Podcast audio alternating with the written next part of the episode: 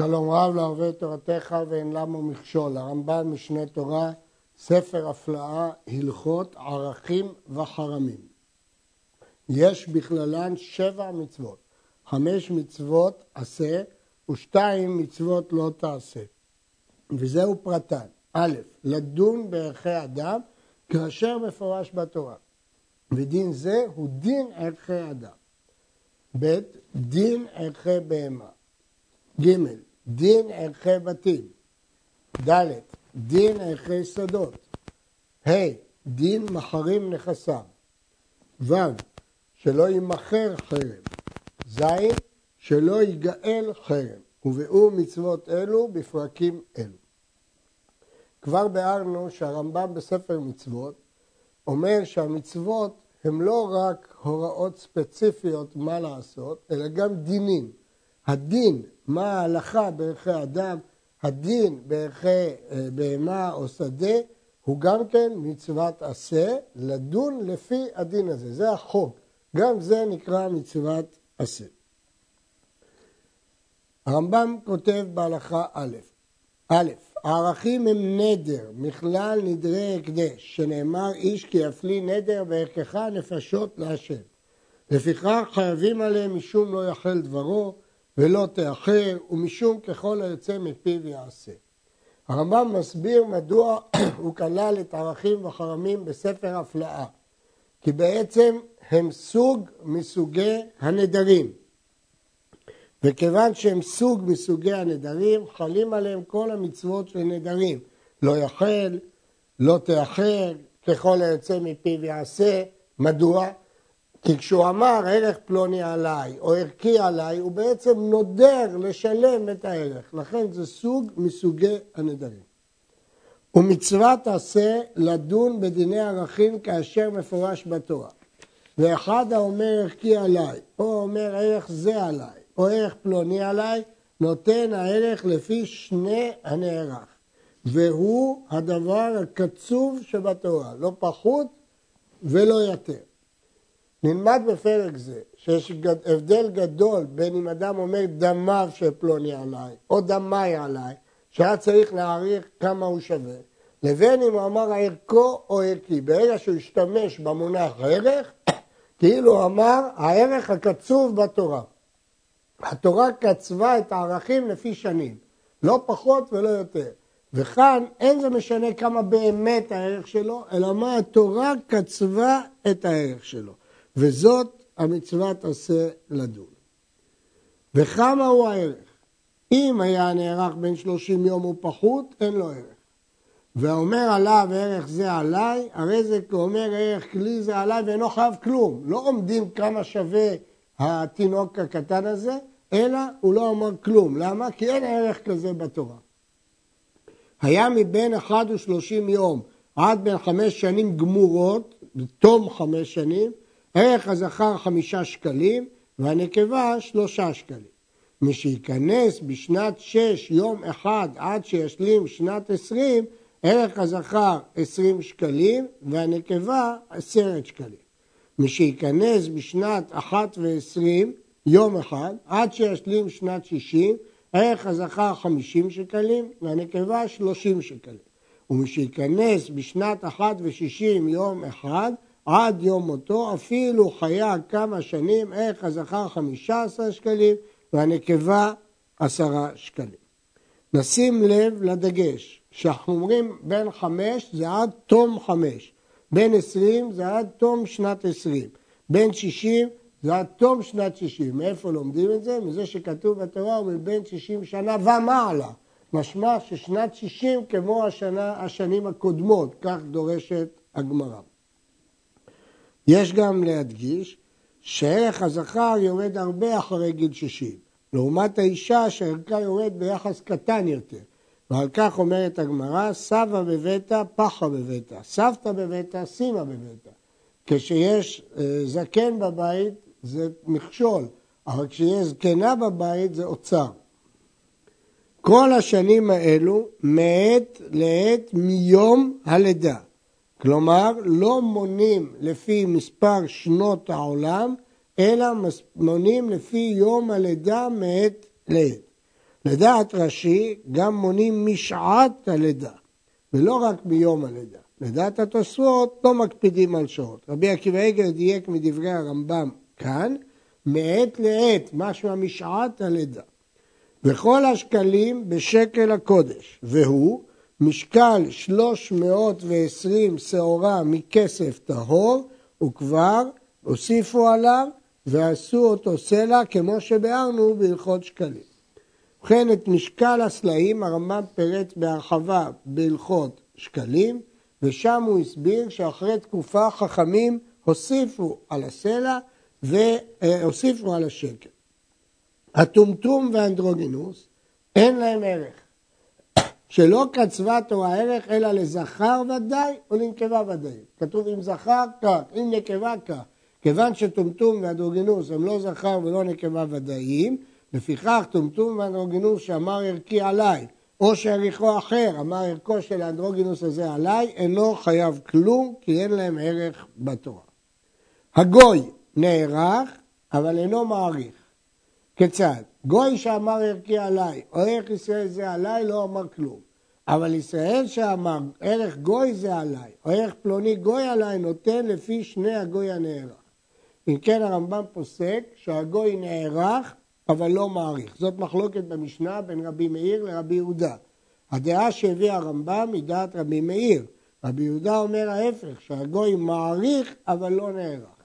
הראב"ד פוסק כרבי יהודה, כי יש לנו כלל רבי מאיר ורבי יהודה, הלכה כרבי יהודה. לפי הרמב"ם הכלל הזה לא מוחלט, שבגמרא אמרו שמסתבר כרבי מאיר. כיוון שאמרו שבגמרא מסתבר כרבי מאיר, אז לכן הרמב"ם פסק כאן נגד הכלל הרגיל, אם כן זו מחלוקת הרמב"ם והרמב"ם. ממה נובעת מחלוקת רבי מאיר ורבי יהודה? מסביר הרמב"ם בפירוש המשנה. כתוב, דבר אל בני ישראל איש כיפלי. בני ישראל למעט גויים. איש כיפלי לרבות גויים. אז יש מיעוט אחד ויש ריבוי אחד. השאלה אם לרבות את הנערך, כי אחרי שוטה וקטן למשל, נערכים ולא מעריכים, או להעריך, לרבות את המעריך, כי טומטום ואנדרוגינוס מעריכים ולא נערכים. זו מחלוקת רבי מאיר ורבי יהודה. וכן המעריך את החירש ואת השוטה חייב ונותן כפי שנה. כמובן שאם הם מעריכים אין להם דעת, אבל מעריכים אותם לפי שניהם. העבד נערך ועורך כשאר ישראל, ואם יתפדה ויהיה לו, ייתן ערך שנדר.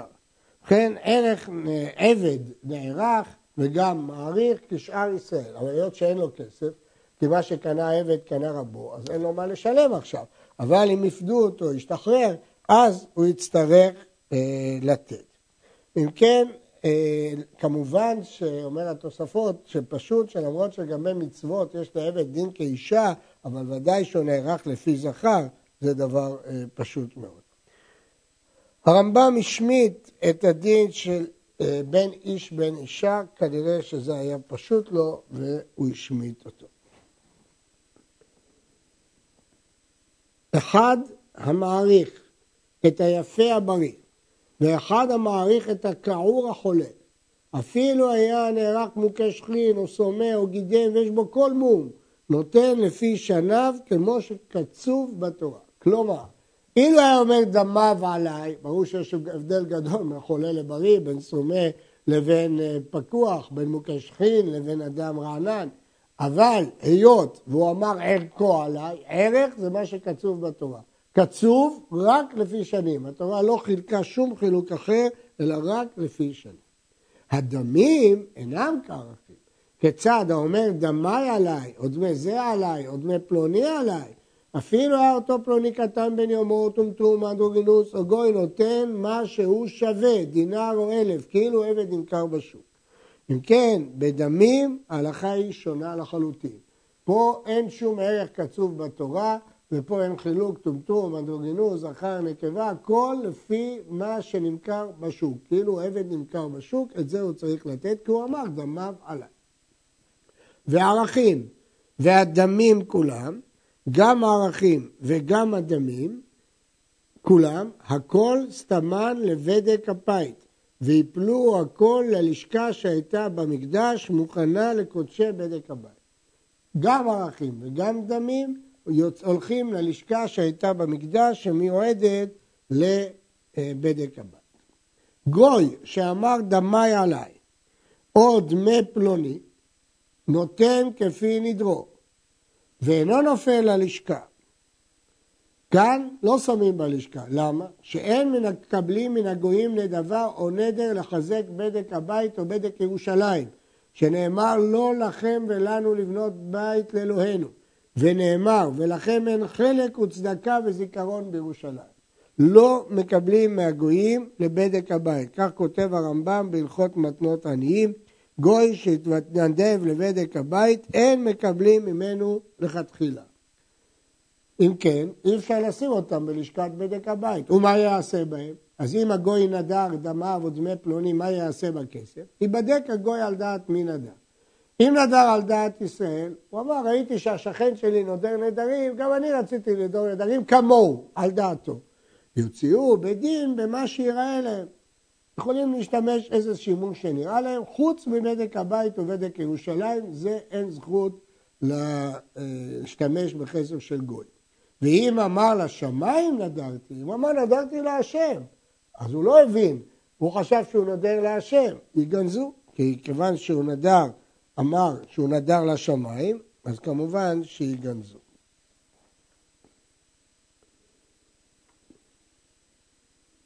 יש אה, דעה שגם אם הגוי נודר מדאורייתא חל ההקדש, רק מדרבנן לא מקבלים הקדש גוי. כך כתוב בתשובת, במביט בספרו קריאת ספר ויש דיונים בדבר. הגוסס, אין לו ערך ולא דמים. הואיל ורוב הגוססים למיתה, הרי הוא כמת. אז אין לו לא ערך ולא דמים. הרדווז מדייק מכאן, שאם בדקו פעם אחרי פעם ודעתו מיושבת, דבריו קיימים. ורבנו דיבר על רוב גוססים. אבל הוא אומר שהחידוש שלו צריך עיון, כי הרמב"ם לא חילק. וכן מי שנגמר דינו בבית דין של ישראל, שלא מקבלים שוחד, להורגו על עבירה שעבר, ואיכו אחר, או שריך עצמו, או שאמר דמי עליי, או שאמר דמי אחר, דמי, אחר, דמי זה עליי, אינו חייב כלום, שזה כמתו. כיוון שבתי דינים של ישראל לא מקבלים שוחד ולא חוזרים בהם מגזרתם, רואים אותם כמת. והמת אין לו ערך ולא דמים. ועל זה נאמר כל חרם אשר יחורם מן האדם לא ייפדק, כלומר אין לו פדיון אלא הרי הוא כמת. מדובר על אדם שנגזר דינו, נגמר דינו למיתה בבית דין של ישראל. אבל בבתי דין של גויים זה דין אחר, כיוון ששם יש חשש שהם מבטלים את דבריהם, או בשוחד, או מסיבות אחרות. הרמב"ם בהלכות תרומות כתב שאשת כהן שנגזר על בעלה מיתה בבית דין אסורה לאכול בתרומה. אבל שם הוא לא הסתפק בנגמר דינה, אלא עד שיוליכו לבית הסקילה, שמא יבואו וילמדו עליו זכות. אז למה פה הוא מסתפק בגמר דין? אז הכסף משנה אומר שיש אה, לחלק, שמה שכתוב גמר דין, עד שלא יוצא לבית הסקילה אי אפשר לדון אותו כמת. אבל אה, לדעת המשנה למלך, ערכים אין לו. בתרומה אי אפשר לקבוע שהוא כבר מת, אבל ערך כבר אין לו משעת גמר דין. זה היוצא להרג שהעריך אחרים, או נדר דמיהם או הזיק, חייב לשלם, וגובין הכל מנכסה. לגבי גוסס, אמרנו שהרי הוא כמת, אין לו ערך ואין לו דמים.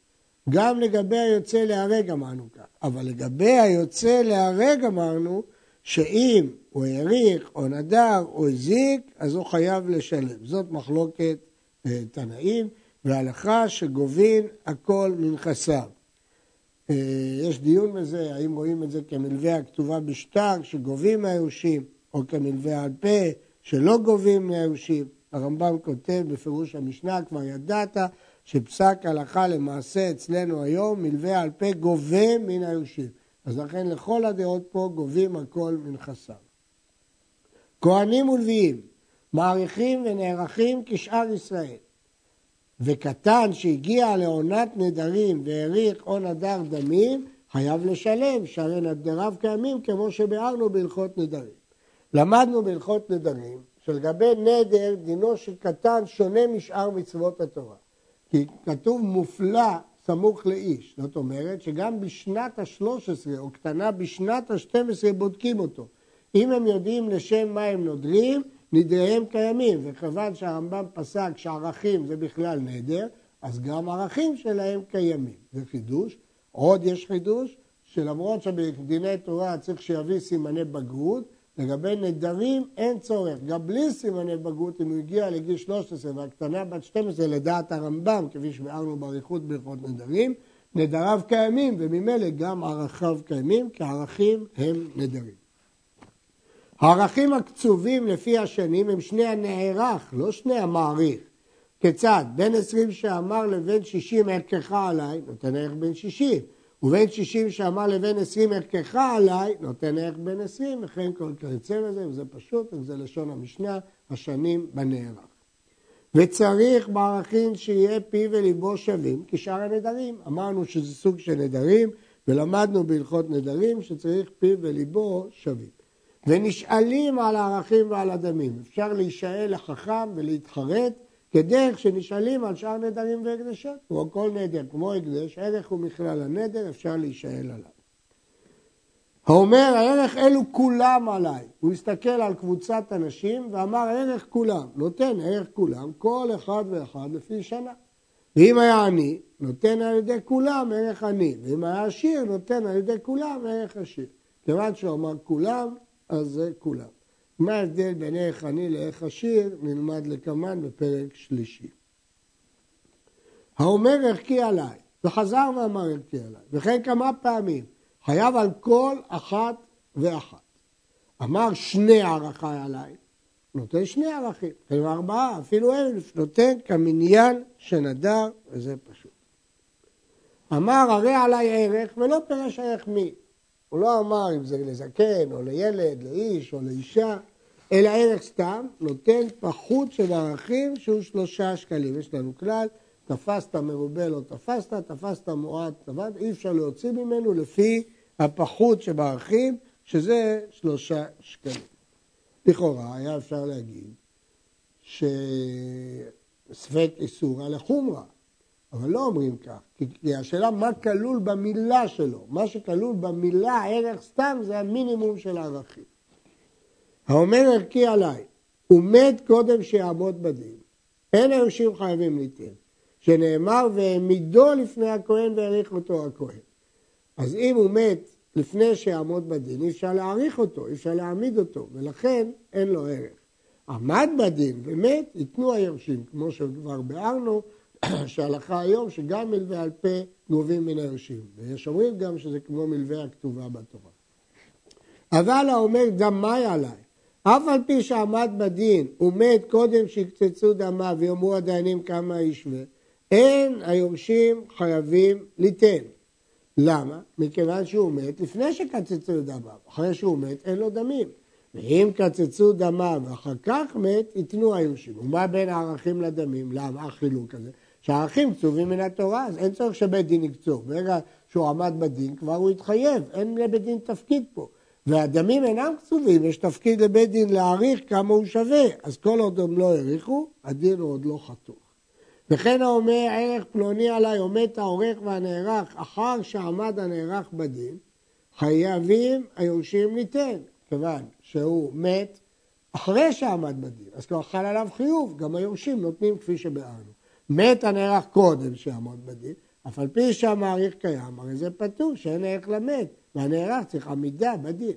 עמד דמי פלוני עליי ועמד בדין ומת קודם שקצצו דמיו, הרי זה פטור שאין דמים למתים, כפי שהסברנו בהלכה הקודמת עד כאן.